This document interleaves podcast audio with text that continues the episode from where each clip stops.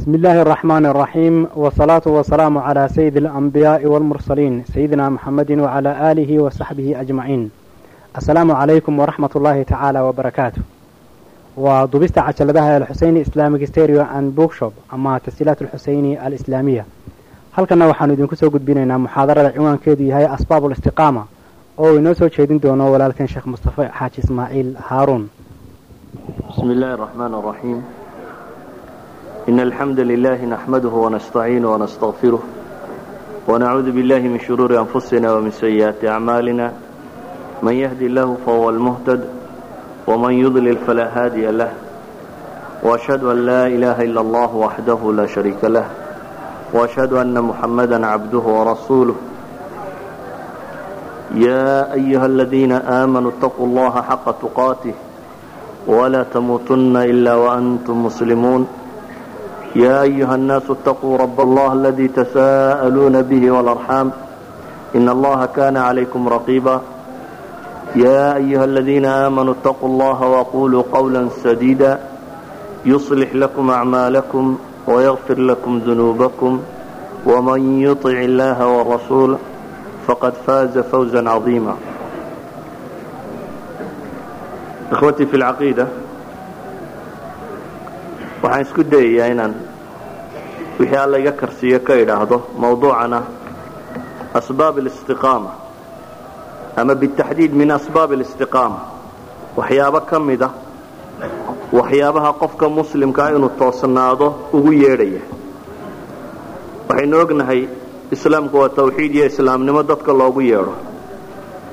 Laakiin maaha nadariya ama fikrad maaha maskaxda gasho oo qura ama qalbiga degto oo keliya ee waa camal iyo dhaqan qofku uu la yimaado. Wuxuu u baahan yahay qofku markaa inuu helo caqiidadaasi uu qaatay ee tawxiidka ama ilaahay rumayntiisa subxaana wa tacaala inuu garto wixii ku sugi lahaa oo u diidi lahaa inuu ka inxiraafo ama ka weecweecdo ama uu ka baxbaxo. Iyadoo dhanka kale aynu leenahay dhaqanka bini aadamka kama mid ahaa inuu calaa watiira waaxida ama straight line inuu raaco dhaqanka bini aadamka kuma macruuf aha. Bini aadamka waxaa la yaqaanaa noloshiisa oo dhammi inay tahay nolol dabdaba ay ku jirto nolol sensidual nolol marna kor u kacda marna hoos u kacda. Hadday tahay dareenkiisa hadday tahay siduu u fakerayo hadday tahay siduu u dhaqmayo way ku adagtahay qofka bini aadamkii inuu straight line raaco waana abciga waa lagu abuuray subxaana wa weliba markaasaa waxaa kaloo jira baynu leenahay shayaaiin ljinni walins oo iyana diyaar u ah qofka inay xaqa weydaariyaan. Asaaliib aad u badan adeegsanaya si aanu qofku u sugmin. Marka hore si aanu islaamnimo u qaadan.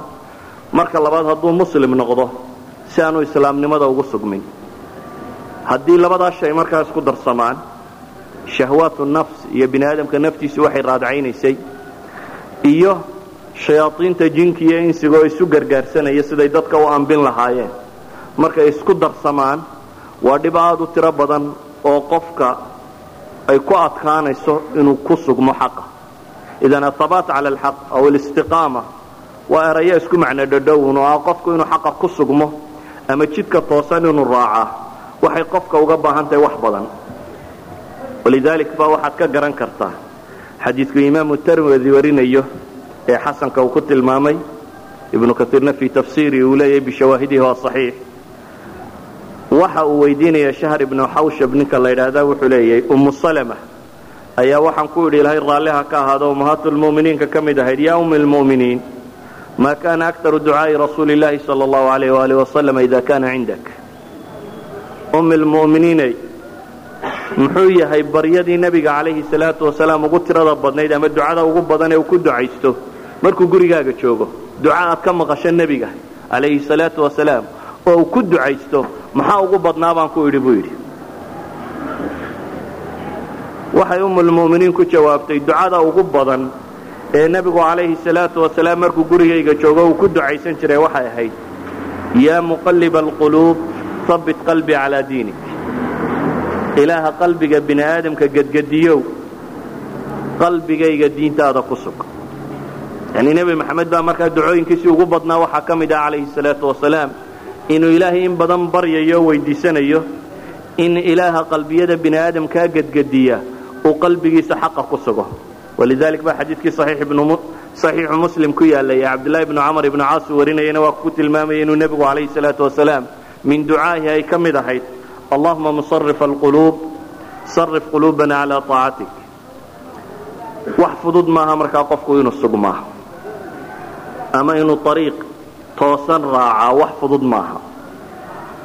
Bale ilaahay baa subxaana wa tacaala qur'aan ku tilmaamaya xataa inay nebiga khatar gelin gaadheen wain kaaduu layaftinuunaka can aladii awxaynaa ilayk litaftaria calayna hayrah waidan latakhaduuka khaliila walowlaa an abbatnaaka laqad kidta tarkanu ilayhim shaya qaliila idan laadaqnaaka dicfa alxayaati wa dicfa almamaat uma laa tajidu laka calayna nasiira ilaahay baa wuxuu tilmaamaya subxaana wa tacaala inay ku dhowaadeen nebiga calayhi salaatu wasalaam inay jidka ka weeciyaan oo ay markaa saaxiib ka dhigan lahaayeen laakiin alle uu sugay subxaana wa tacaala idan waa qadiyad u baahan qof kasta oo muslimi inuu muddo ka fakero karti badni kuma timaado ee waxay u baahantahy inuu alle ku waafajiyo subxaana wa tacaala.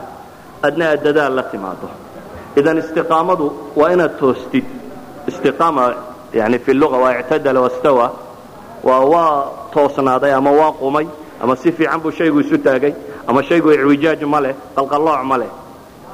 Waxa la rabaa wuxuu yahay in islaamnimada sidaynu ugu dhawaaqayno inaynu ugu toosnaanno hadday taasi dhacdo qur'aanku wuxuu inoo tilmaamaya in ajar aad u badan la leeyahy ina aladiina qaaluu rabbuna allah uma istaqaamuu tatanazalu calayhim almalaa'ika anlaa takhaafuu walaa taxzanuu waabshiruu biljanna allatii kuntum tuucaduun. Idan ajar aad u badan baa jira. Laakiin waxay u baahan tahay juhdi aad u badan in la bixiyo. Walidalik baa xadiidkii nawaas ibnu samcaan uu warinayey waa kuu nebigu calayhi salaatu wasalaam ku tilmaamayo jidh ayuu nebigu calayhi salaatu wasalaam tusmo ku bixiyey. Tusaale ariiq hareeraha ay ka raacsiisan yihiin laba derbi laakiin albaaba ay ka furan yihiin. Albaabadaasi daahiya ay ka soo laalaadaan. Jidka halka laga galo uu taagan yahay mid dhawaaqayoo le wardada uu dhammaantiin soo gala jidkan oo ha ka kala weecweecannina. Albaab yaroo kasta cid ay ka dhawaaqayso ama daac kale uu dhawaaqayo uu leeyahay isku furin albaabada haddaad furtaan. Waa geli doontaane. Nebiguna calayhi salaatu wasalaam uu sii tafsiiray. Yani wuxuu tilmaamayaa xadiidku cumuuman jidka kan in makhaatir badani ku xeeran tahay ama wax badan oo qofka xaqa ka weecin kara. Waxaan markaa isku dayayaa maaha alistiqaama nafsaha inaan ka warramo laakiin inaan wax ka tilmaamo min asbaab alistiqaama waxyaabaha qofka ku bixinaya ina uu jidkan ku sugnaado sufyaan ibnu cabdillaahi thaqafi xadiidkii saxiixu muslimka ku yaalay markuu ninkaasi nebiga weydiistay calayhi salaatu wasalaam qul lii fi lislaami qawlan laa asalu canhu axada bacdak intuu nin nebiga u yimi wuxuu ku yidhi calayhi salaatu wasalaam ilaahay rasuulkiisiiow islaamnimada weedh iiga sheeg aanan cid dambe wax weydiinin mar qura waxidheh dabeetana cid dambe iyo wax weydiin maayo.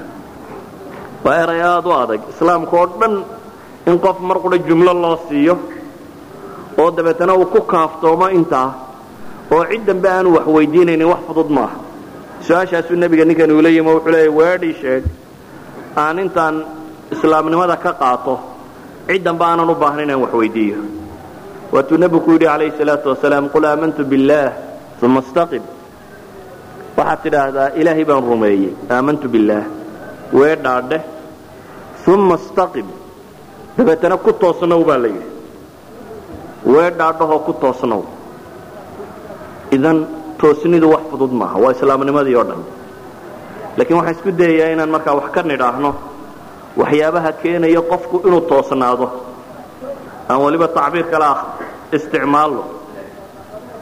Sadaad inuu qofku wada toosnaadaa way adagtay laakiin waxaa loo baahan yahay siduu nebiguba sheegaya calayhi salaatu wasalaam almuqaaraba ama sadiduu waqaaribuu buu nebigu laha calayhi salaatu wasalaam. Yani ma awoodi kartaan buu nebigu ku tilmaamayay inaad toosnaataane istaqiimuu walan tuxsuu buu nebigu la alayh salaatu wasalaam xadiidku ibnu maaja warinayo albaani tasxiixinayo. Istaqiimuu walan tuxsuu. Toosnaada buu nebigu yidhi mana koobi kartaan laakiin maxaa looga baahan yahay? Sida xadiidka kale uu nebigu ku tilmaamaya calayhi salaatu wasalaam sadiduu waqaaribuu asadaad inuu qofku la yimaado oo niyaadki iyo aqwaashi iyo waxa kan oo dhan uu toosiyo isku dayana inuu barta haleelo maalan haddaad dhugtamayso oo aad meel ku dhugtamayso way yar tahay barta lagu tilmaamo cidda la heshaa. Laakiin waxaad samayn kartaa muqaaraba. Waxaad adigu ku dadaalaysaa inaad barta la hesho waa byjanis markaa inaad in yar la weydo ama in haddaad laakiin tadriib ku qaadato bartaa sidaad ula heli lahayd. Waxaad dhacaysa marba mar ka dambaysa inaad uga sii dhawaato haddaad maalmaha hore dhugta laga yaabo labaatan sentimitir inaad u jirsato. Maalmaha dambe waxaa laga yaaba inaad toban sentimitir u soo jirsato. Maalinta ka sii dambaysa waxaa laga yaabaa shan sentimitir inaad u jirsato. Mararka qaarkood inay kugu dhacdo marmarna inaad la yaro seegto.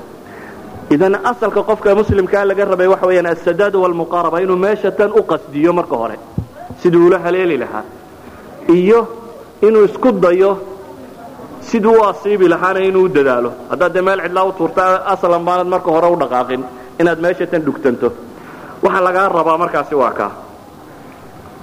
Qur'aanka suuradda igula cajabta badan leh mawduucan ka warranta waa suuratu huud oo soo degtay wakti nebiga calayhi salaatu wasalaam shaqo aada u badan ay haysatay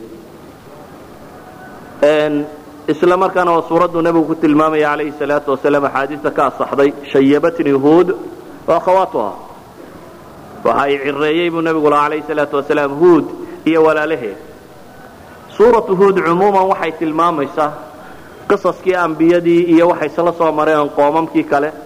Dabeetana ilaahay subxaana wa tacaala tacqiib buu siinaya qisada marka la soo tilmaamo ilaa iyo janniyo naar inta lagu kala gelayo ayaa ilaahay ka warramaya ariiq janno qabanaya iyo ariiq naar qabanaya kadibna ilaahay subxaana wa tacaala aayaadka dambe nebiga calayhi salaatu wasalaam baa awaamir lagu siinaya.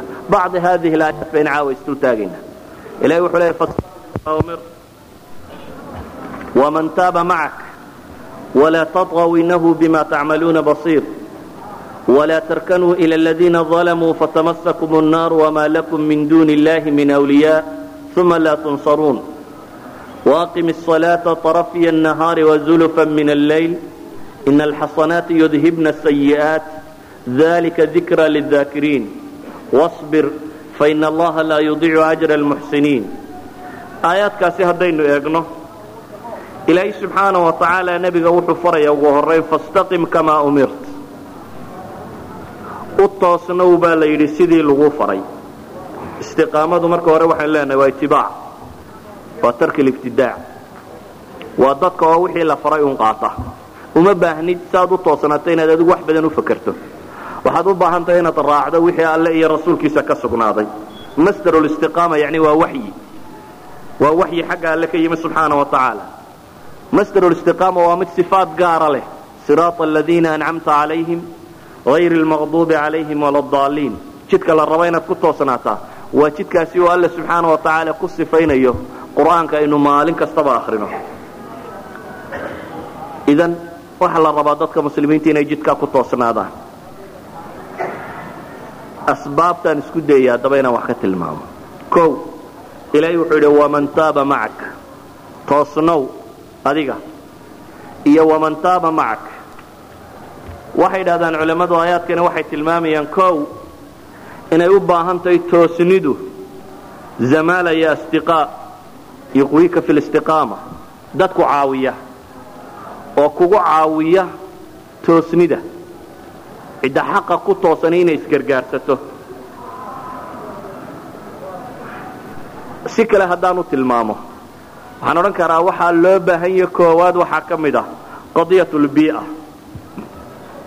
ama environmentka deegaanka qofku uu ku nool yahay waxay ka qayb qaadataa qofku inuu tooso iyo inuu toosi waayaa nebigu calayhi salaatu wasalaam markii uu hijrooday ee uu madiine tegey shaqadii koowaad ee uu qabtay waxay ahayd baan odhan karnaa environment buu hagaajiyey ama bii uu kawinay awal shay uu nebigu dhiso calayhi salaatu wasalaam wuxuu ahaa maxay?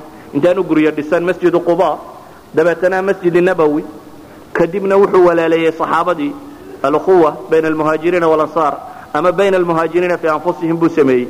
Kullu dalik waxay culammadu ku tilmaamaan wuxuu tijaabiye koowaad waxay ahayd inuu abuuro bii'o ama deegaan qofka diintiisa ku xejin kara. Toosnida waxa koowaade ka qayb qaata waxaanu leenahay markaasi waxa weeyaan qofku deegaanka uu degan yahay. Waxaa in badan taa dareemi kara dadkii dhulka gaale gaadhay ama muddo ku noolaaday. Yani gaal markaad la degto ee la dhaqanto ayaad garanaysaa bii'adu inta ay raad leedahay. Environmentka waxaa la yidhaahdaa. Ama degaanka waxaa la yidhaahdaa. Qofka bini aadamkii siduu u fakero xataa midabkiisu siduu u ekaado caqliyaadkiisa iyo maqaayista waxuu wax ku qiimeeyo dareenku dareemo xataa dhadhanka iyo siduu dhadhanka u kala dhadhansada u kala macaansadaa. Wax badanoo ka mida waxa raad kule meesha uu ku koro. Iyo deegaanka uu ku nool yahay qofka bini aadamkii inuu wax qiimeeya ama noloshiisoo dhan waxaan odhan karnaa waxa raad weyn ku leh deegaanka uu ku nool yahay. Walidaalik ayay mas'aladani mas'ale in badan qofka muslimkii inuu ka fakero u baahanayt waxaa laga yaabaa dad badan oo maanta hijro dhul gaaleed u sii socda inay jiraan. Dad badan oo dhulka gaale weli degan inay jiraan. Dad badan oo bii'aadka aan kala ku qiimaynaynin gurigiisa xataa meeshuu ka dhisanayo aan ku qiimaynin dadka degan iyo xaafadda iyo jaarka iyo waxan inay jiraan. Qofka oo aan in badan eegin asxaabta iyo dadku raaciyo waxa karanaytay lakiin waxaan leeyahay qadiyadda koowaad ee u baahan inaad in badan ka fakertaan haddaad rabto inaad toosrato. Yacni go'aan mar inaad gaadhaa way fududay. Inta mar lagu wacdiyo in xamaas uu ku qaado oo aad tidhaahdo toosnow. Laakiin waxay u eg tahay inta badan inuu noqdo soomaalida maahmaahdeedii ahayd wacdi iyo weyd waxay dhahaan midbaa habeen baa lagu seexdaa miyuu ahaa? Maahmaahbay soomaalidu leedahay ku tilmaamaan yani wacdigu sida yare u evaborate garoobo markiiba. Neef weyday kala qiimo dhigeen yani wax habeen qura un lagu lagu seexdo aan subaxa dambe raad dambe sii lahayn. Waayo qofku wuxuu ku noolaa mujtamacooda markaad eegto environment aan wacdigani wuxuu sheegayay ku saacidaynin. Saasi daraaddeed baa markiiba inuu luuskareeyo ama markiiba inuu ilaabo keensanaysay environmentku haddii inuuna a wax ka daraasayseen culumta tarbiyada iyo qofka bini aadamka iyo siduu u koro waxaad garan kartaan qiimaha u leeyahay. Tusaale fudud baan idin siinaya maalan waa maqasheen. Neef yaroo dool la yidhaahdo oo scotland niman ay ku sameeyeen. In badan baa laga yaaba b b c yada iyo meelahan wararka inaad ka maqasheen. Niman saynis yahano ah oo lax lax ka dhaliyey iyadoo aan maxay lab loo geynin. Oo dabeetana yidhi cobin baanu samaynay. Yacni lax baa lax laga koobiyeeyey oo unug baa ilmogaleenkeeda laga soo qaaday diirkeeda sarena unug baa laga qaaday kii ilmogaleenka laga soo qaaday baa bu'da laga saaray kii diirkeeda laga soo qaadayna bu'diisiibaa la soo qaaday bu'diibaa kan lagu muday dabeetana ilmogaleenkii hooyadaa dib loogu celiyey. Marka waxaa la barbaariyey waxa weeyaan sel ama unug diirkii hooyada bu'diisii ay ku jirto macnaheed waxa weyaan cromsomskii hooyadoo dhan oo fortskaabuu sitaa iyadii unbaa mar labaad dhalanaysa.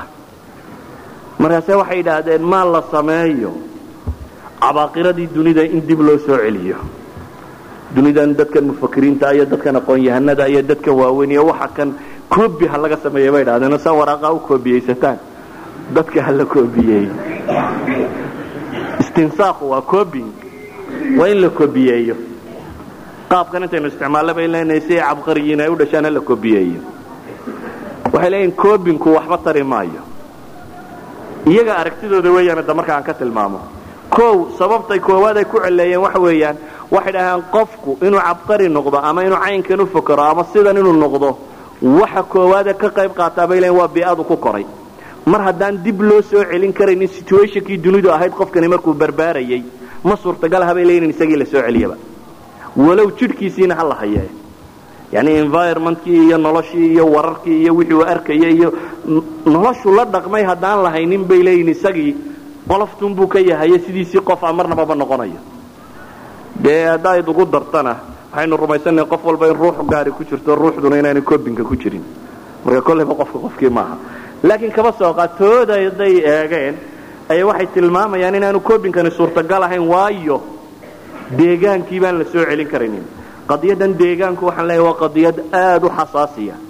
Waxaa laga yaaba keligaa markaa ta inaad sileeday wallahi xataa gaalada haddaad u tagto ama meel kale haddaad tagto ama biaxun adigu nin ragoo muslimoo toosan baatee maxaa kaa galay? Waad ka soo boodi lahayd uun. Waa iska sheeko riyo u badan. Bii'adu qofka raad aad u weyn ayay ku leedahay. Walidaalik ayaa waxaad ka garan kartaa xadiidkii warinaya abi saciid sacd ibnu malik ibnu sanaan alkhudri saxaabigii yaraa ee la odhan jiray. Xadiidkii saxiixayn ku yaallay nebiga calayhi salaatu wasalaam uu ka warramayey qisadii ninkii boqolka dilay. Yani nebigu calayhi salaatu wasalaam wuxuu ka warramay nin kaana fii man kana qablakum rajulu qatala tiscata wa tisciina nafsa. Dadkii idinka horreeyey nin baa ka mid ahaa buu nebigu yidhi sagaashan iyo sagaal qof dilay. Markaasuu ninkii wuxuu yidhi waxay ii sheegtaan aclami ahli lard war bal dadka ninka u cilmi badan ii sheeg fadulla calaa raahib buu nebigu yidhi calayhi salaatu wasalaam. Wadaad iska cibaadaystoo suufiya ayay u tilmaameen. Faataahu faqaal inahu qatala tiscata wa tisciin. Wuu yimi oo wuxuu yidhi war nin yahow sagaal iyo sagaashan buu ninkani dilaye wax tooba'a ma leeyi ilahay toobadda ma ka aqbalaya. Raahibkii ama ninkii suufiga ahaa wuxuu ku yidhi la mar haddaad sagaal iyo sagaashan nafood soo jartay wax dambe cidi kaaba dhegaysan maysa isagiina wuu dilo uu ku boqolay. Xadiidkan runtii haddaad u fiirsato wax badan baa ku jira. O waxaad arkaysaa caamadu ninkii wax sheegaaba waa isugu mid. Saasi daraaddeed mid masaajidka dhowr maalmood ku cibaadaystay iyo caalimka ugu weyn caamadu culumay wada taqaana way murasiisaa walidalik wuxu yidhi war dadka ninka u cilmi badan ii sheega wadaad cibaadaysanaya u tilmaameen. Waxaad dareemaysaa caamadu mawaasiintay wax ku qiimaysa nooca uu yahay oo ma laha yacnii cidda ahlucilmiga ahlucilmiguunbaa garan karaya. Ama caamada mar haddii masaajidka la wada joogo dadku wuu siman yihi waxaad kaloo dareemaysaa qofku haddii dadku wax iska kaa weydweydiiya inaanad ka jawaabin waxaanad garanaynin. Ama haddaad waxoogaa duub xidhato maalmo wax lagu weydiiya inaad caalim ismoodin. Waa fasaadku aad buu u badan yahi qofku aqoontiisu ay koobantahay u geystaa oo weliba bulshada iyo diintaba u geystaa. Walidalik buu ninkani wuxuu tilmaamay inaanay waxba jirin waxaa kaloo xadiidkani uu tilmaamaya ibnu xajar alcasqalaani baa wuxuu ku tilmaamaa xataa ninkuma caqli badnayn buu yidhaahda hadduu caqli badan yahay dee ninka sagaal iyo sagaashan dilay si umun inuu ka baxsadaabay ahayd buu leeyahy hadda hadduu waxba u waayey calaa kulli xaal ninkani wuxuu u sheegay un inaan toobadi jirin waa la dilay isagiina boqol buu dilay. Ninkii boqolka dilay mar labaad buu haddana dadkii ku noqdo wuxuu yidhi war ii tilmaama aclama ahli lard dadka dhulkan jooga ninka u cilmi badan ha lay tilmaamo. Markii dambe nebigu wuxuu yidhi calayhi salaatu wasalaam fadulla calaa rajulin caalim. Nin cilmile bay markan u tilmaameen. Iyaga de waa u sisinaayeennune kii hore markuu ku khasaareen mid kale ay tilmaameen. Laakiin kan wasfiga nebigu siiyey calayhi salaatu wasalaam waxa weeyaan inuu yahay nin cilmi leh. Markuu ninkii u yimi wuxuu ku yidhi waryaah ninkani boqol buu dilay ee toobad ma leeyahy qaala nacam waman yaxuulu baynahu wa bayna buu ku yidhi. Haa toobad waa leeyahy yaa adiga iyo toobadda idinkala celinaya buu leeyahy hadaad ilaahay u soo noqoto yaa kaa celinaya. Laakiin ninka caalimka ahi inta badan ma eego su'aasha la weydiiyey iyo jawaabteedoo koobanoo qura. Ee wuxuu eegaa bini aadamka waxa anfacaya. Walidalik ninkani caalimkii markiiba wuxuu dareemay ninka kani inuu rabo inuu toobad keeno. Laakiin ninkani dayday weynaaday weeyaan boqol buu dilay de saas daraaddeed ma fududa inuu iska toosnaado. Yani intuu yimaado inuu toobad keeno inuu iska toosnaada ma fududa. Idan toobad baad leedahay quroo ninkan caalimkii uma fakerin inay ninkan ku filan tahay. Shayga labaad uu ka fakeray waxa weeyaan ninkani markuu toobad keeno sidaanu dib ugu noqon lahayna istiqaamasay u dhici lahayd. Ha toobad keenee siduu u toosnaan lahaa buu fikradiisa markii labaad ka fakeray walidaalik buu wuxuu u raaciyey su'aal aanu isagu weydiinin buu uga jawaabay. Oo ah siduu u toosnaan lahaa oo ah shayga muhimkaa toobadda iyo adiga buu yidhi yaa idinkala celinaya. Toobad waad leedahay. Walaakin arrinku intaasoo qura maaha buu yidhi inطaliq ilaa ardi kada wakada faina biha unaasan yacbuduuna allaha tacaala facbud illaaha macahum waryaha buu ku yidhi nimow dhulkan aad joogto ka tag oo waxaad qabataa dhulka caynkaa iyo caynkaasa. Dhulka aad tegaysa buu yidhi dad baa degan alle caabudo subxaana wa tacaala ee kuwa ilaahay la caabud walaa tarjic ilaa ardik fainahaa ardu sawin. Ha kuna soo noqonin buu yidhi meeshan aad joogto waa dhul xune. Ninkan caalimkii wuxuu u tilmaamay koowaad waa maxay? Ninkani si uu u toosnaado environmentka inuu bedelo deegaankan iyo bii'adan uu ku nool yahay inuu bedelo haddaad rabto weligaa inaad waxun joojiso tolkii dah meeshiisana dah haddaad rabto inaad qaadka iska dayso meelaha lagu qayalana ka tag kuwa qayalana iskaga tag haddaad rabto inaad sigaarka iska dhaafto kuwa caba ka hadh haddaad rabto inaad khamri dhaafto meelaha khamriga lagu cabiyo kuwa cababa iskaga tag. Yani shayga aad ka tegayso waxa ugu roon deegaankiisana inaad ka guurto.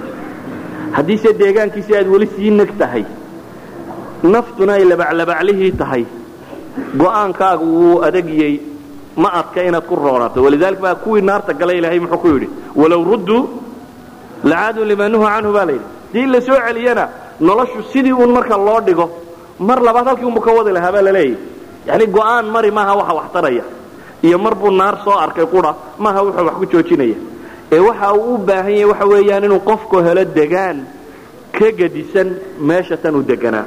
Walidaalika buu ninkan caalimkii wuxuu ninkan kula taliyey inuu ka guuro meeshan uu joogo oo uu guuro meel meeshan uga roob xadiidku wuu dheeraa laakiin mawduc dalaaluhum baan ka uga jeeday. Waxaan leenahay waxa koowaada u baahani waxa weeyaan istiqaamo si loo helo. Haddaad ku badato dadka fusaaqda inaad la socoto ama asxaab aan khayr badnayn inaad raacdo ama dad aan inta badan wax kugu kordhin karaynin inaad saaxiib la ahaatid ama deegaan aan fiicnayn inaad degto ama jaar aan wanaagsanin inaad jaar la noqoto. Ama tujaar aan khayr badnayn inaad wax la wadaagtid. Ama dawlad aan fiicnayn inaad wax ku darsatid. Waxaasoo dhan isku soo dar. Waa environment ama shaqo ha noqoto ama degaan ha noqoto ama waxbarasho ha noqoto ama caynkan ha noqotee waa deegaan qofka raad ku leh. Si awgeed buu nebigu calayhi salaatu wasalaam xadiidkaa taqaaneen ee macruufkii saxiixayn ku yaallay wuxuu ku tilmaamayay jaliisu saalixa ninka wanaagsan ama majliska fiicane la fadhiisto iyo majliska xune la fadhiisto waxay u kala dhigan yihiin buu nebigu yidhi calayhi salaatu wasalaam ka xaamili misk iyo naafiqu kiir. Mid sida miski. Miskigu waa geed waa shay udgoon oo abiiciya shaygaasi udgoon haddaad la fadhiisato qof sida. Saddex mid unbaa dhacaysa siduu nebigu sheegay calayhi salaatu wasalaam.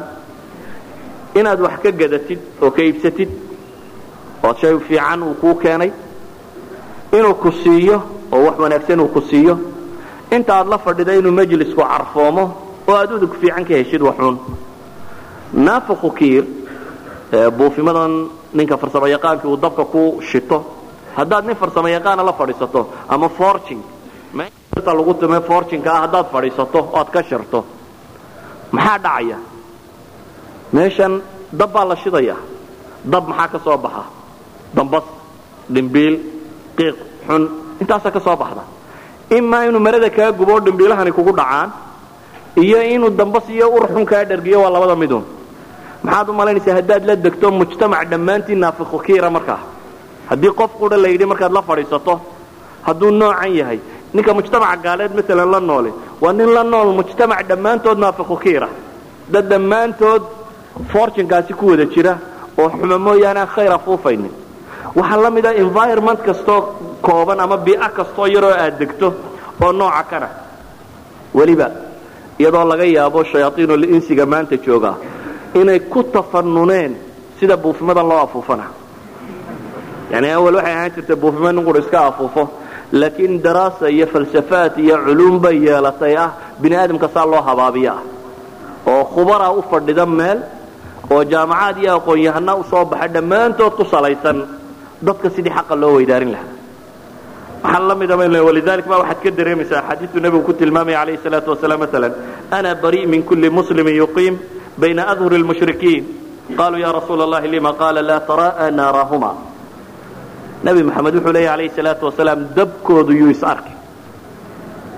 Haddii gaalku kaa yahay munaafaqay ku sii xigsii oo la nooca faasiqiintii ku sii xigsii ahlu bidac iyo wixii kale yacni khayrlaawaliyaal markaad la degto kastee degaan la yeelato macnaheedu waxa weeyaan inay kugu adkaanayso inaad toostaa idan qofka raba inuu toosaa waa inuu meel fiican degaa. Waa inuu isku dayaa environmentka laga bilaabo ka ugu yar deegaan halkee ugu yar. Waxaa ugu yar qolkaaga cidda kula degaysa soo maaha? Qolka ayaa kula degaya haweenaydaada haweenaydaa muxuu nebigu ka sheegay calayhi salaatu wasalaam dumarka afar baa loo guursado soo xadiidkii nebigu ma ahayn calayhi salaatu wasalaam. Afar shay baa dumar loo guursadaa. Quruxdeeda maalkeeda reerkay ka dhalatay iyo diinteeda. Ee muxuu nebigu yidhi calayhi salaatu wasalaam ku guulayso ama isku day inaad asiibto ta diinta leh. Lama tilmaamin lacagtii quruxdii iyo reerkii iyo waxa la tilmaamay. Adiga waxa ku anfacaya ama waxa noloshaada raadaynta ugu badan ku yeelanaya. Oo ah dhaqanka qofka dumar ay leedahay markaasuu nebigu wuxuu tilmaamaya bii'adata ugu yar marka aad joogto. Qolkaad seexanaysay markaad joogto. Qofka seexanaya inuu qof gaara noqdo. Qolkaad seexanaysay cidda kula seexanaysa inaad si gaara u doorato. Walidalik baa qolka iyo cidda ku jirta. Waa bii'adii ugu yarayd buu nebigu wuxuu ku tilmaamaya ilmaha yaa raad ku leh.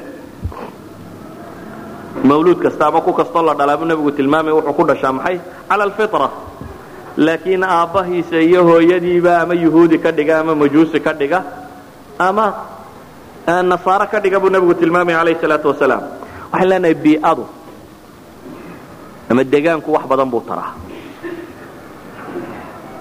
Haddaan xagga fasaad ka tilmaamo bal xagga khayrka hal xadiioo quraan ka tilmaamo. Wuxuu nebigu sheegay calayhi salaatu wasalaam xadiidkii saxiixu muslim ku yaalay ina lilahi cibaadan fudala xadiidkii dikriga ka warramayay waxaa jira malaa'igta ilaahay qayb ka mida oo sayaaxiinoo socota oo raadcaysa meelaha ilaahay lagu xusayo. Dabeetana xadiidku wuu dheeraa meesha maxalu shaahidkunaan tago. Waxau sheegaya inay dad u yimaadeen meel ilaahay ku xusaya. Dabeetana uu ilaahay su'aalo weydiiyo akhiiran malaa'igtaasi waxay sheegaan inay dadkani ilaahay caabudayeen oo dembi dhaaf weydiisanayeen oo jannadiisa rabeen oo cadaabkiisa ka magangelayeen. Ilaahayna wuxuu yidhahdaa markhaati ka noqda dembigoodaan dhaafay xadiidka waxaa riwaayaadkiisa ka mid ahaa markaa saxiixaynka ku yaalla faushidukum anii qad gafartu lahum. Qaala yaqulu malaku min almalaa'ika fiihim fulanu laysa minhum inamaa ja'a lixaaja. Malag malaa'igta ka mida yidhahdaa ilaahayow hebel baa nimankaa ku dhex jiro aan ka mid ahayn oo isagu dan kale u yimi. Qoladii wardiyaysay midaan ahayn baa jooga. Laakiin isagu dan kale u yimi buu tilmaamayaa malaga kale. Ilaahay baa wuxuu ku yidhaahdaa markaasi hum ljulasaa laa yashqaa bihim jaliisuhum riwaayadda muslimna waxay sheegaysaa fiihim fulan cabdun khataa hebeloo dembi badana abaa ku dhex jira.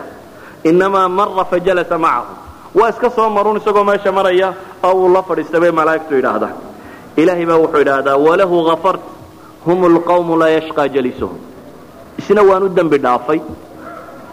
Waa duul kuwa la fadhiistaana aanay hoogin. Idan ahlu khayrka haddaad la fadhiisato hoogi maysid xataa haddaanad adu ka mid ahayn. Haddaanad adugu wax badan wardinin ama wax badan akrinin haddaad fadhido meesha khayrka lagu hayo qura mujarad bii'adaasi fiican inaad wax la wadaagtay ayaa waxa uu tilmaamaysaa axaadiista inaad ka mid noqonayso kuwa dembigooda la dhaafo waxaan leenahay markaa rakiisada koowaad aan tilmaamayo ama sababta koowaad aan tilmaamayo istiqaamada waxaynu leenahay waa inuu qofka muslimkii doorto bii'adu degayo dadkuu la noolaanayo cidduu la shaqaynayo cidduu la saaxiibayo meesha uu wakhtigiisa ugu badan ku qaadanayo. Taasi waa inay noqotaa qadiyad aada u cruciala oo qofku aada uga fakaro. Dan aayaddii dib ugu noqda ilahay wuxuu leey waman taaba macak qadiyatu tawba waa la tilmaamay. Kooxdii toobad keentay. Atawba waxay culammadu yidhaahdaan waa rakiisada ugu weynayaan ee rakaa'ista toosnida keenta. Waayo waxaynu nidhi bini aadamka waxa sacab ku ah inuu straight line jid toosan inuu raacaaba ku adag laabud inuu dhan unuga yaro baxo. Naf iyo shaytaan meelun inay ka galaan waxa uu qofku markaa istiqaamada ku ilaashan karaa inuu yahay qof awaabah maasi way dhici doontaa ama akhtaay way ka dhici doontaa ee qof maxay? Awaaba inuu noqdo soo noqosho badan. Maxaan soo noqoshada u tilmaamaya? Waxaan leenahay waxaa dhici kara. Khadka mustaqiimka ah.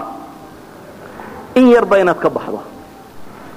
Angle of five degree ama one degree ama xagal hal degree oo qura inaad baxdaabaa suurtagala laakiin haddaad musira cala almacsiya noqoto maxaa dhacaya? Jidku wuu kula sii fogaanaya. Marka hore waxaa laga yaabaa xagashaad waddada ka weecatay inay tahayba maxay?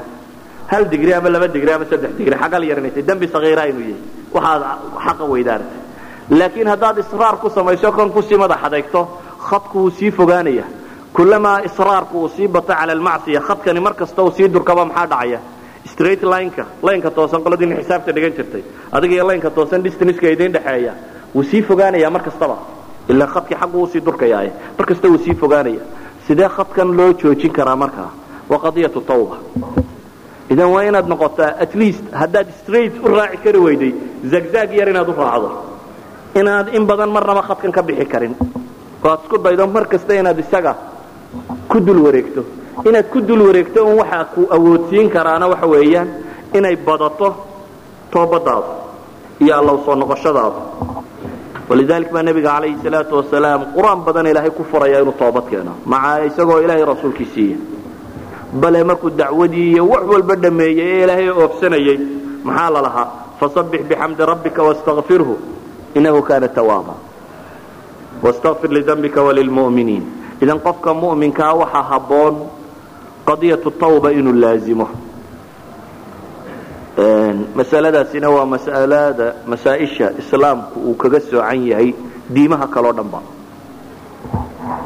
Ilaahay wuu u fudaydiyey dadku inay toobad keenaan. Waana masala runtii qofka in yar u fiirsada uu garan karo inay tahay maclam macaalimta islaamku uu kaga muuqda adyaanta kaleo dhana. Adyaanta kale dadku inay toobo keenaan wax badan bay ku xidhantahy wasaa'ida la sii maro wadaad loo tago kiniisad lacag laga bixiyo sanam yaroo la sii maro wax kale. Laakiin islaamka waxa ilaahay inoo jideeyay inaynu alle subxaana wa tacaala toos ku xidhanno waayo ilaahay wuxuu inoo tilmaamayaa kow waman yacmal su'an aw yadlim nafsa uma yastakfir illaah yajid illaaha yani hafuura raxiima ilahay wuxuu inoo tilmaamaya subxaana wa tacaala ciddii xuma samaysa ama naftiisa dulmida. Ee ilaahay subxaana wa tacaala u toobad keentay inuu ilaahay helayo hafuuran raxiima ugu horayn qofka muslimka wuxuu rumaysan yahay ilahay inuu yahay arxam araaximiin walidalik dee maxaad cid kale ka dooni.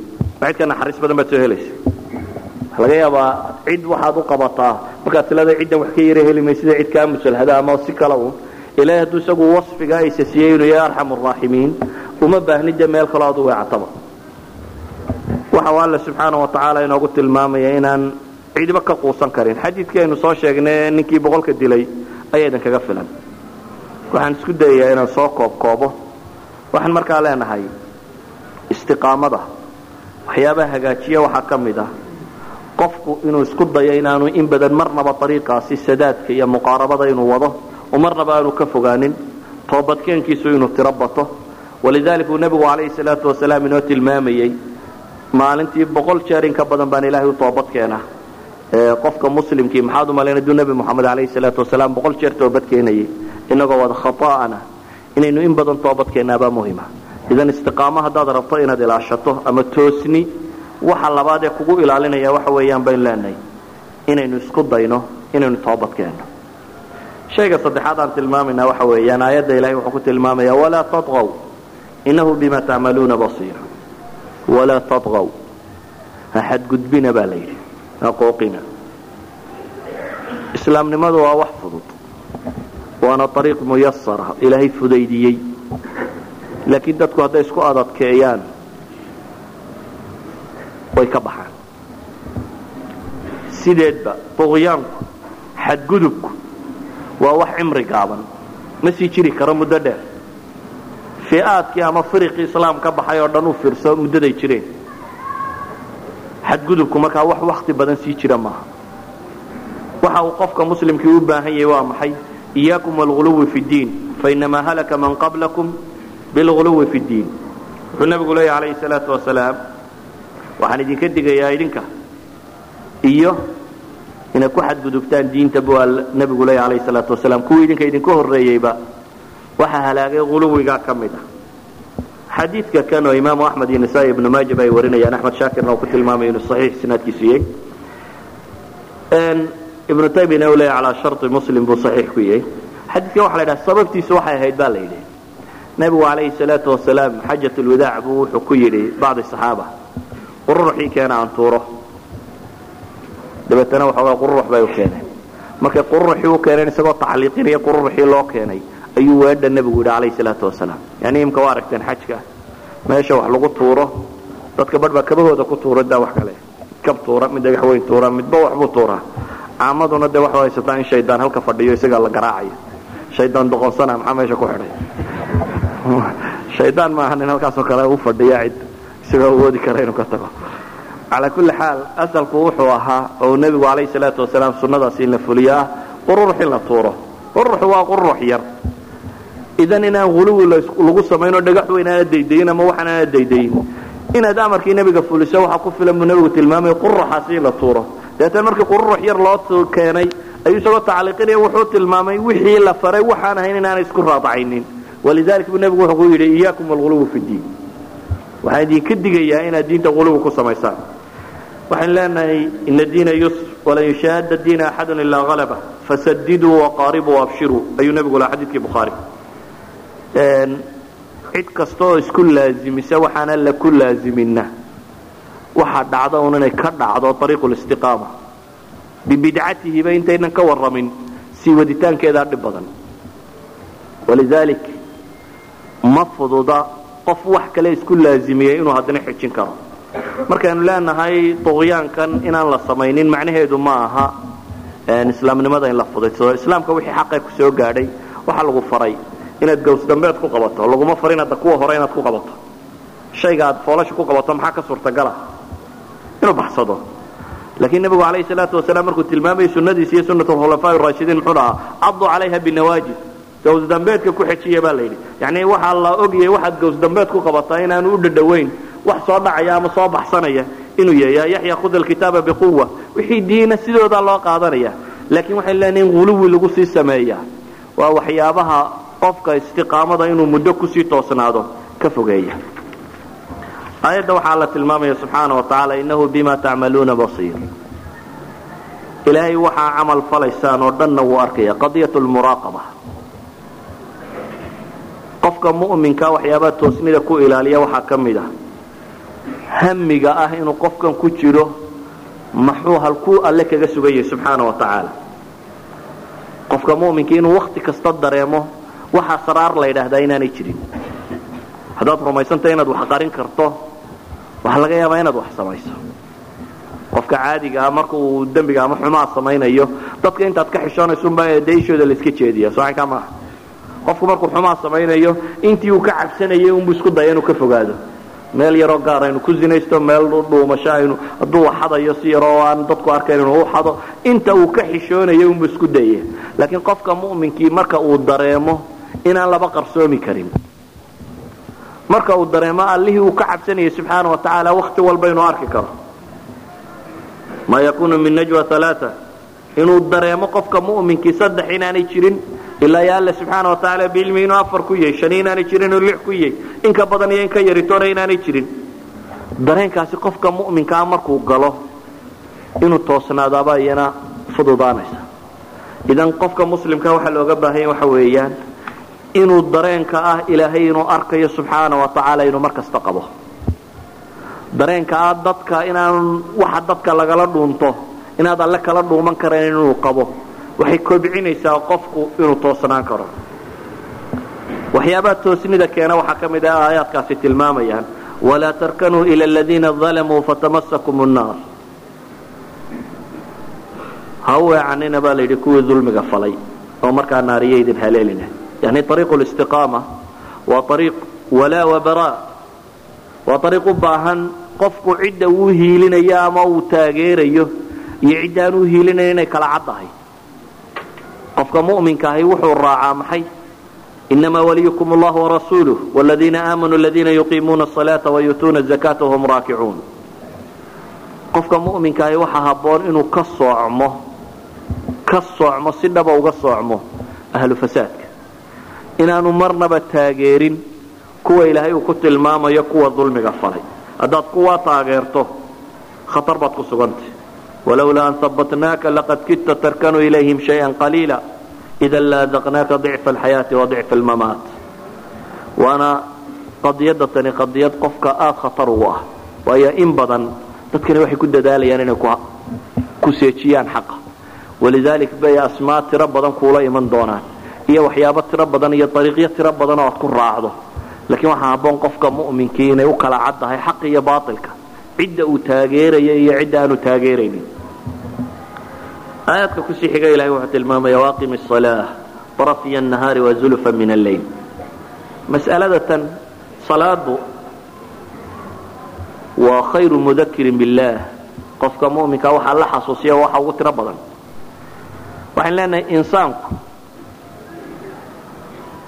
wuxuu u baahan yahay si uu ariiq joogto ah u raaco inuu mubarmaj noqdo ereygaa u fiirso. Brogramid inuu qofku noqdo. Ama qof waktigiisu uu xadaysan yahay inuu noqdo. Maxaan tan uga jeedaa si loo toosnaado ilaahay subxaana wa tacaala wuxuu u yeelay asaaliib la maro. Kow wax la sameeyey khat la yidhaahdo alkhat aladna aynu odhan karno khadka ugu hooseeya aan la ogolayn qof muslim inuu ka hoos maro iyo meel la ogol yahay inaad kor iyo dul ugu socon karto. Yani waxaynu idhi qofku toos uma socon karo kow. Haddii aanad toos u socon karin markaa maxaa laabud ah? In la helo laynka tooska ah korkiisa in lagu geeyo.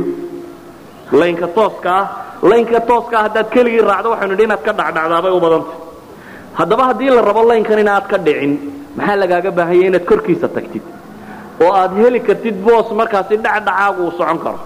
Maalan ilahay wuxuu ina faray shan salaadood oo waajiba wa khati ladna waa meel aan la ogolayn in laga dhaco. Laakiin waxaa la sameeyey meel ka sarraysa oo qofka muslimkii uu marmaro oo ah sunan mu'akada iyo kuwa mutlaqa iyo salaatuleyl iyo waa kan iyo waxaasoo sunno ah. Sunankaasi waa shaygii kuu ilaalinayay khadka mustaqiimkaee lagu talagalay ah shanta salaadoon ee aad ka dhicin iyo meel la ogol yahay inaad kor iyo dul ugu socon karto. Yani waxaynu idhi qofku toos uma socon karo kow. Haddii aanad toos u socon karin markaa maxaa laabud ah? In la helo laynka tooska ah korkiisa in lagu geeyo. Laynka tooska ah laynka tooska ah haddaad keligii raacdo waxaynu idhi inaad ka dhacdhacdaabay u badanta haddaba haddii la rabo laynkan inaad ka dhicin maxaa lagaaga baahanya inaad korkiisa tagtid? Oo aad heli kartid boos markaasi dhacdhacaagu uu socon karo. Maalan ilahay wuxuu ina faray shan salaadood oo waajiba wa khati ladna waa meel aan la ogolayn in laga dhaco. Laakiin waxaa la sameeyey meel ka sarraysa oo qofka muslimkii uu marmaro oo ah sunan mu'akada iyo kuwa mutlaqa iyo salaatuleyl iyo waa kan iyo waxaasoo sunno ah. Sunankaasi waa shaygii kuu ilaalinayay khadka mustaqiimkaee lagu talagalay ah shanta salaadoon ee aad ka dhicin. Haddaad sunnahaa goyso maxaa dhacaya yani maalan bini aadamku maalin aad caajistaa jirta maalin aad daallantaa jirta maalin naftu ku haysaa jirta maalin dhibi kale kugu dhacdaa jirta haddaad sunnaha laazimi jirtay maalintaa haddaad wahsato waxa baxsanaya waa sunne laakiin waajibaadka siibaad u ilaalinaysa haddaad laakiin markii horeba minimumka taagnaan jirtay halka ugu hooseeya un haddaad ninkii ka bartay ahayd maalintaad caajisto waa salaaddii tabaxsanaysaa dee waa faralkii waxa lumaya maalinta dhibi kula kulanto ama aad mashquusho ama aad caajisto ama aad daasho ama mashkilad kale kuu timaado waxa lumaya wuxuu noqonayaa maxay? Walidaalika ma fiicna dadka in lagu tarbiyeeyo halka ugu hoosaysa. Mushkilad baa jirta. Qadiya fiqhiya baa dadku si qaldan u fahmeen. Maalan waxa laga yaabaa kutub ulfiq ama axkaamta dadku markay dhigtaan inta badan. Waxaa laga yaabaa ninka faqihii inuu ka warramo shayga salaaddu ay ku asaxdo ama ay ku gudmayso iyo waxa inta hadday ka yarta ay xumaanayso. Maalan waxaa laga yaabaa in lagu baray subxaan allahi saddex jeer in la ydhaha marka la sujuudo. Laakiin waxaa laga yaabaa ninka faqiih had iyo goor inta ugu yar ee ama ugu fududa qof odhan karo minimumka inuu tilmaamo. Laakiin dadku hadday ka dhigtaan minimumkaasi inuu yahay waxa qudhe la sameeyo. Waxaa laga yaabaa inay akhtaa badan oo kale ku dhacaan. Walidalika waxa laga yaaba dadkuba qaabku u tarbiyaysan yihiin qof muslimo maanta tukada haddaad weydiiso haddii la sujuudo maxaa la akhriyaa? Subxaan rabbi alcalaa mooyaane nin soomaaliyeed wax kala garanaya inuu midhadh noqdo baa laga yaaba iyadoo nebiga ay ka sugnaatay maxay intaasoo awraad iyo adkaaroo la akriyo marka la sujuudo. Laakiin marka horea dadkii waxaa lagu tarbiyeyey ariiqaa minimumku in la gaadhsiiyo. Waxay wax ku asixi lahaayeen in loo sheego. Dabeetana dadkii way kobci kari waayeen qadiyaddaasi waan ku celcelinaya waxaan leeyahay qadaaya tarbawiya. Dadka levelka ugu hooseeya laguma tarbiyayo walidalik baa ilaahay subxaana wa tacaala waajibaadka layna faray inaynu samayno oo dhan waxa loo sameeyey maxay? Khad ka sarreeya oo raggu ku kala baxo raganimadu khad ka sarrayso ay joogtaan la sameeyey. Soon ramadaan baa la waajib yeelay laakiin waxaa kaloo loo yeelay maxay? Shawaal la soomo bishii saddex maalmood ayaamulbiidoo la soomo khamiis iyo isniin la soomo. Yacni intaasoo soon oo kale cashuuro oo la soomo ayaa la sameeyey oo qofka muslimkii training uu ku qaato ku tababarto. Si aan marnaba aanay uga baxsanin maxay? Ramadaan inay dayacanto. Xaj mar baa la waajibiyey laakiin waxaa la jideeyey maxay sunan kale oo uu qofku samayn karo oo xaj sunayaaloo kale uu gudan karo. Waxaan tan uga jeedanaya marka. Waxaa loo baahan yahay haddii la rabo istiqaama dadku inay sugmaan inaan lagu tarbiyaynin halka ugu hoosaysa ee laysku dayo qimadana dadka lagu wada tarbiyayn karo. Oo laabud dadka waa laga helayaa mujtamaca badh aan badan aan qimada gaadhin yani akhطaada tarbawiga ee dadka ku dhaca waxaa ka mid a in inta badan dadka loo istidlaalo uun bacd صaxaaba ka mida dee raggii ragga ugu sarreeyey uun. Oo aan laba soo hadal qaadin saxaabadii wasadka ahayd ama khailadnaha raggii joogay iyadoo nusuus sariixa ay tilmaamayso saxaabo badan oo aad garan karto axaadiista waxay ka tilmaamtay. Waxaan tan uga jeedaa markaa qofka muslimkii waxa fiican inuu mubarmaj noqdo oo ah inaanu khaul adnaa marnaba isku dayin inaanu soo gaadhin ee inuu ka sarrayn karo. Si dhacdhacaagu ugu dhaco un laynkaa sare markaa. Istiqaamo markaa waxaad ku helaysaa inaad mar walba isku daydo khaul adnaha inaad ka sarrayso. Laynkaa ugu hooseeya mar kasta inaad ka sarrayso haddaad isku daydo waxa fiicnaanaysa inaad mustaqiim noqon karto. Walidalik baa ilaahay wuxuu tilmaamayaa aayaddan qur'aan waaqimi salaata arafiya nahaari wazulfa min alleyl salaaduna waxaynu leenahayba waa khayru mudakir billaah waana shay runtii aynu odhan karna astaan bay ka tahay arkaantii waa weynayd oo dhan. Una baahan qofka muslimkii inuu in badan u ilaaliyo. Shayga toddobaad aynu sii tilmaami karnaa waxa weeyaan wasbir in allaha maca asaabiriin ahabaat cala alxaq aw alistiqaama. Waxyaaba ugu muhiimsan ay u baahan tahay waxaa ka mida ah inuu qofku sabro hadduu qofku sabri kari waayo wuu jabayaa markiiba. Nolosha gebigeedubana nolosha oo dhan marka la ysku daro waa loolan. Xaq iyo baail wuxuu doonayaba ahaado qofku wuxuu u baahan yahay inuu ku sabri karo oo uu isku dayi karo naftiisa inuu ku xakamayn karo wax badan oo ay diidantay wax badan oo ku culus inuu ku xejin karo. Daacadu waa culays laakiin waxay u baahan tahay in nafta lagu xejiyo macsida waa shahwaati nafs. Qofka bini aadamka uu doonayo in badan. Waxay u baahan tahay in nafta laga xakamayn karo la ilaalin karo. Fitanka iyo mashaakil iyo shahwaatu nafsigani way tiro badan yihiin waxay u baahan tahay nebigu calayhi salaatu wasalaam wuxuu ku tilmaamayaa jannada.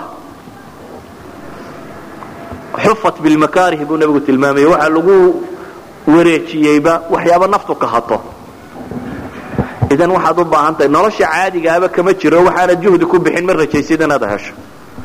Kuwa adduunka shaqaystaa waxay u dadaalaan habeen maalinba inay soo jeedaan.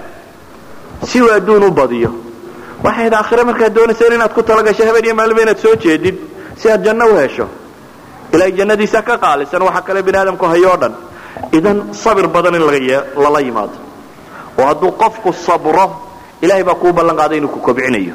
Wladiina jaahaduu fiina lanahdiyannahum subulana kuwa ariiqayga ku dadaala baa la leeyahy subxaana wa tacaala waana ariiq wacra weliba waa ariiq baynu leenahay ambiya ay ku soo daashay waa ariiq suuraddan tilmaamayay maalan suuratu huod ilaahay subxaana wa tacaala wuxuu kaga warramayaa wax badan oo qisas ilambiya ah nebi nuux ibraahim huod hamuud iyo nebi saalex shucayb muusa luut qisaskaasoo dhan suuraddu way ka wada hadlaysaa dabeetana ilaahay subxaana wa tacaala wuxuu ugu gebagabaynaya nebiga wakullan naqusu calayka min anba'i rusul maa nuhabitu bihi fu'aadak. Waxaas oo ambiye a baan kaaga warramay baa ilaahay leeyay subxaana wa tacaala waxaana kaaga warramaya waxaan qalbigaaga ku sugayo oo waa maxay? Waxaan leenahay waxyaabaha qofka ku suga xaqa waxaa ka mid ah. In badan inuu akriyo qisas alambiyaai wasaalixiin ama lumma ummadda dadkeedii hore taarikhdeedii inaad isku daydo inaad daraasayso. Siiradii nebiga calayhi salaatu wasalaam ambiyada taarikhda ilahay qur'aanka uu kaga warramaya waayo qisaskani waxa ay tilmaamayaan kow waxay ku xasuusinayaan waddadan aad haysa inaad keli ahayn ee waddo la mari jiray inay tahay oo weliba ceelka tagta. Haddaad waddo aad iminka bilowday tahay shakaa kugu jira wartalow armaad lamadega ku furtaa yani meel aan laga biyo gaadhayn armaad kuula kacda. Hadday tahay waddo aan hore loo marin mar kastoo aad soconayso waxaad is leedahay warar may kaa baaba'da. Laakiin ariiqu ariiq mucabada hadduu yahay. Jid la jilciyey oo la budliyey oo aan midcawsi ku oolan aad raaci karto oo muuqdo habeen iyo maalinba hadduu yahay oo la og yahay inuu biyo tago mahma aad dhexda ku sii daasho waxaad rumaysantahay inuu meeshii tagee. Nafta nacasnimada ka ilaali baad is leedahay. Sabir oo hore u sii soco. Raggii ka horreeyeyba tanbuu maray idan wuxuu qofka muslimkii u baahan yahay. Haddaad dareento waxda keli inaad tahay uun. Tira adduunkii o dhan baa naga soo horjeestay waxaana sheegaysaan adduunkii o dhan baa ka soo horjeesta waar adduunka o dhan baa soo maray waxaanan sheegayno. Waxaad u baahan tahay inaad taarikhdan dib u akrido naftaadaad qancin lahayd markaas waxaad garan lahayd ariiqani inuu yahay ariiq hortaajiraba maray. Ambiyadii ilaah iyo dadkii waa wanaagsanay oo dhami mareen. Saalixiintii oo dhami mareen. Ariiq la yaqaano meeshuu ku gebagaboobo idan naftuu dhiiri gelinaya dalika min anba'i lqura naqusu calayk minha qa'imun. Baasiid baa ilaahay fii nafsi suura ku tilmaamaya. Waa ummadihii hore wararkoodii aan kaaga warramaya baa ilaahay leeyay. Iyagoo wax la tirtirayo wax taaganba weli leh. Waa ariiqaas haddaad akhrido markaa waxaan leenahay in badan waxaad u baahantahay in in badan dadku daraaseeyaan qur'aanka iyo sunnada iyo taariikhdii saxaabada iyo tii nebiga calayhi salaatu wasalaam iyo dadkii saalixiinta waa wanaagsan taariikhdoodu. Waa waxyaabaha qofka ku suga ariiqa ayuu ka mid yihi waxyaabaha dadka ariiqa ku suga waxaa ka mid ah karatu ducaa. Qofka muslimkii inuu in badan ilaahay baryo ilaahay baana ina baray qadiyada oo suuradda qur'aanka ku noqnoqota aynu maalin kasta akhrino maxaa layna baray? Ihdina siraata almustaqiim siraata aladiina ancamta calayhim hayri lmaqduubi calayhim wala addaaliin inaynu maalintayn ugu yarnay toddobiyo toban jeer ku ducaysano walidalik ba aayaad badan oo qur'aana ilaahay subxaana wa wuxuu ina farayaa baryadiisa waxyaabaha dadka muslimiinta ariiqan ku suga waxaa ka mida baynu leenahay baryada ilaahay subxaana wa in badan la baryo min asbaab alistiqaama waxaa ka mida baynu leenahay qur'aanka oo qofka muslimka uu la noolaado waayo ciladii qur'aanka ilaahay uu ku cileeyey in loo soo dejiyey faqraad isagoo kalaa ah waxay ahayd masalada tanu waqaala aladiina kafaruu lawlaa nuzila calayhi alqur'aanu jumlatan waaxida ilahay baa wuxuu leey kuwii gaaleed waxay dhaheen qur'aanka maa lagu soo dejiye maxay? Mar qura isagoo wada ah. Ilahay baa wuxuu leey kadalika linuhabita bihi fuaadik saas baan u soo dedejinay baa ilahay leeyay in yar in yar waayo linuhabita bihi fuaadak baa ilahay leeyay inaanu qalbigaaga sugno daraaddeed waratalnaahu tartiila. Idan walaa yaatuunaka bimatalin ilaa ji'naaka bilxaq waaxsana tafsiira qofka muslimkii inuu la noolaado in badan baa fiican ilahay kitaabkiisa subxaana wa tacaala waa sabab kale oo keenaysa inuu qofku ariiqa kan ku sugnaado akhwatii fi lcaqiida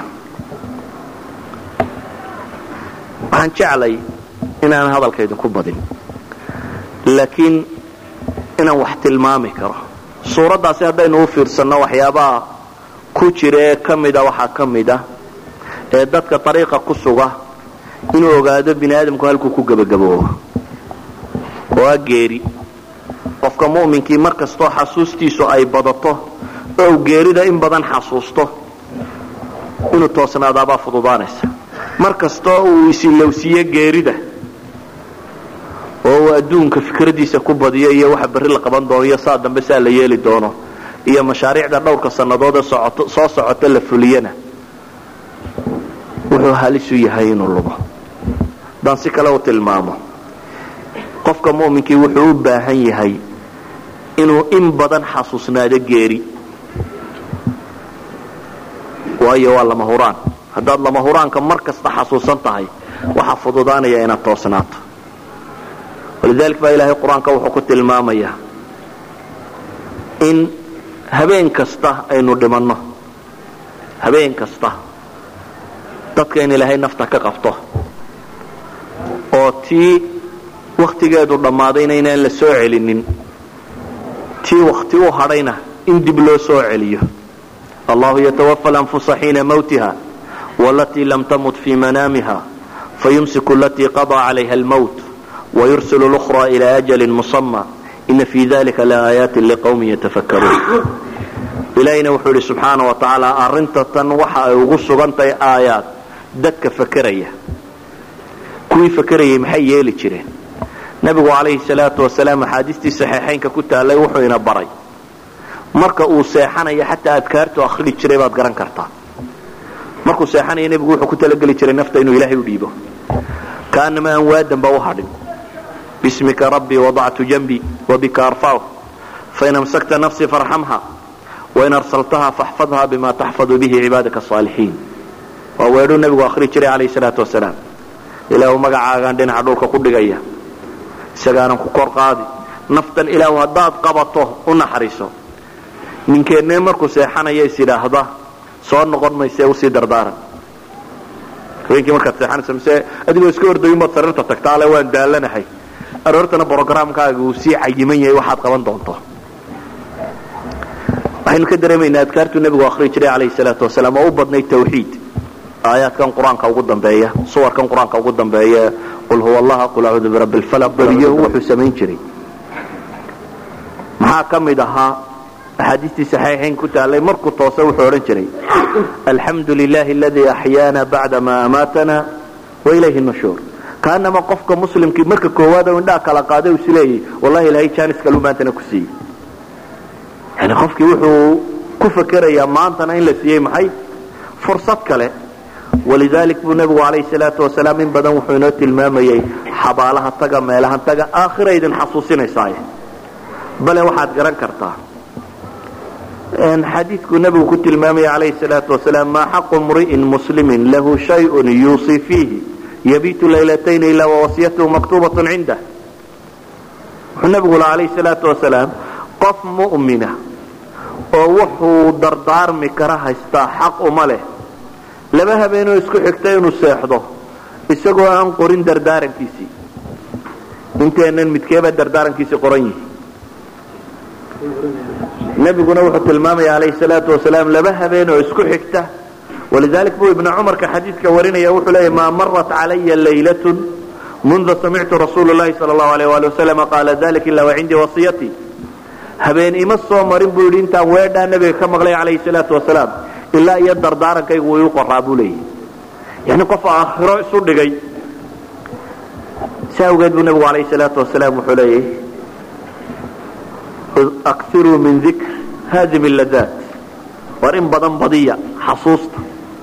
ka macmacaanka gooya. Idan qofku hadduu geerida xasuustiisa badiyo inuu toosnaado ayana way fududaanaysaa. Waxay ka mid tahay waxyaabaha fudaydiya. Waxaan leenahay waxyaabaha fudaydiya waxaa ka mid ah aayaadkaasi tilmaamayaan falawlaa kana min alquruuni min qablikum uluu baqiya yanhawna can alfasaadi fi lard yani waxaa ka mida baynu leenahay alamru bilmacruuf wanahyu can lmunkar qofku inuu ku dadaalo inuu wax sheego oo dadka wanaagana faro xumahana ka reebo. Taasi naftaada ayay xaqa ku sugaysaa. Qofka waxaa la yaqaanaa inta uu wax sheegayo inta uu dadka anfacayo waxaa ka badan intuu naftiisa anfacayo. Insaanku waa ilowshiye badan yihi mar kastoo wax sheegayaba waxbuu akriyaa waxbuu baadhaa waxbuu isku dayaa. Waa mar kastoo qadaan ruuxiya uu dib naftiisa u sii helayo. Intuu isagu korayaabaa ka badan intuu dadka kale korinayo. Idan intuu raadaynaysabaa ka badan naftiisa intuu cid kale raadaynayo waxaa aboon markaasi in uu qofka muslimkii isku dayo inuu in badan dadka wanaagana faro xumahana ka reebo. Waayo bii'o kastoo aad joogto haddaad adigu xumaha reebi weydo samahana dadka fari weydo macnaheedu waxa weeyaan cagsiga adiga kugu soconaya. Adaa wax lagu faraya. Insaanku ama isagaa wax bedela ama isagaa la bedela. Laba qofoo intay wada socdaan weligood sidaa ku wada joogaa ma jiro aan waxba kala faa'iidaysanay haddaad adigu xaggaaga musmir noqon weydo iyaga kaa midha keenaya weeyaan xaggoodaad u sii badanaysaa kullamaa afhaysashadaadu ay tiro badato waa kullamaa adiga qaadashadaadu markaa absorptionkaagu cabistaadu adiga ay tiro badato. Walidaalika waxaad dareemaysaa mar kastoo dadka wax sheegaya ay mujtamac ku bataanbana khayrkaa bata. Mar kastoo dadka wax sheegaya ay sii gaabiyaan oo yaraadaanbana fasaadkaa bata. Waayo ma jiro meel xad kala go-an oo ah yani inta qoladaa laga takhallusay markaa wuxuu sidoodii isaga soconayaan ama xaggan unbuu daadku u socdaa ama xaggan buu u socdaa. Labada dhandhan unbuu u soconaya. Ikhwatii fi lcaqiida waxaan jeclahay waqtigii salaadkii gaadhay inaan soo koobo. Leenahay waxaa habboon toosnidu waxyaabaha inooga baahan tahay inaynu ku dadaallo inaynu la nimaadno inaynan nafteenna siinin ammaan badan oo ah aad isleedahay mar baad wax fahamtay ama mar baad xaq garatay ama xaq baa kuu dhaadhacay laakiin aad u baahan tahay wixii kuu dhaadhacay si ay rasmi kuugu noqon lahaayeen. Mar kasta oo meelaha wax lagu sheegayo aad ka sii durugto ama ka sii walow caalim kasta ahow raadkay kugu yeelanaysaana way kugu tiro badanaysa waxa kaaga filan xadiidkii xandala xandala muxuu sheegay? Naafaqa xandala xadiidkii sheegayay xandala munaafaqoobay buu yidhi abibakar markuu la kulmay. Abibakar iyo xandala waa kuwii nebiga u yimi calayhi salaatu wasalaam waxay sheegteen wuxuu ahaa cudur odhanaya. Markaanu adiga kula joognana waxaad moodaa jannadii iyo naartiiba inaanu aragno. Dumarkii iyo carruurtii iyo waxaan kale markaanu utagnana kaanamaa wixiiba maskaxdayda ay ka baxeen. Waxa labadan udhexeeya waxa weeyaan laba bii'o oo kala nooca unbay kala joogeen marna bii'adii nebiga calayhi salaatu wasalaam ee waxyigu ku soo degaya diinta lagu sheegay la isku wacdinayay joogeen. Marna bii'a carruur iyo dumar iyo xoogsi iyo xoole iyo wax kale laga shaqaynayo bay joogeen. Labada bii'o waktigay kala joogeen labada shakhsiyadoode kala nooca ayuu noqday xandale ee uu isinkiraya isagii.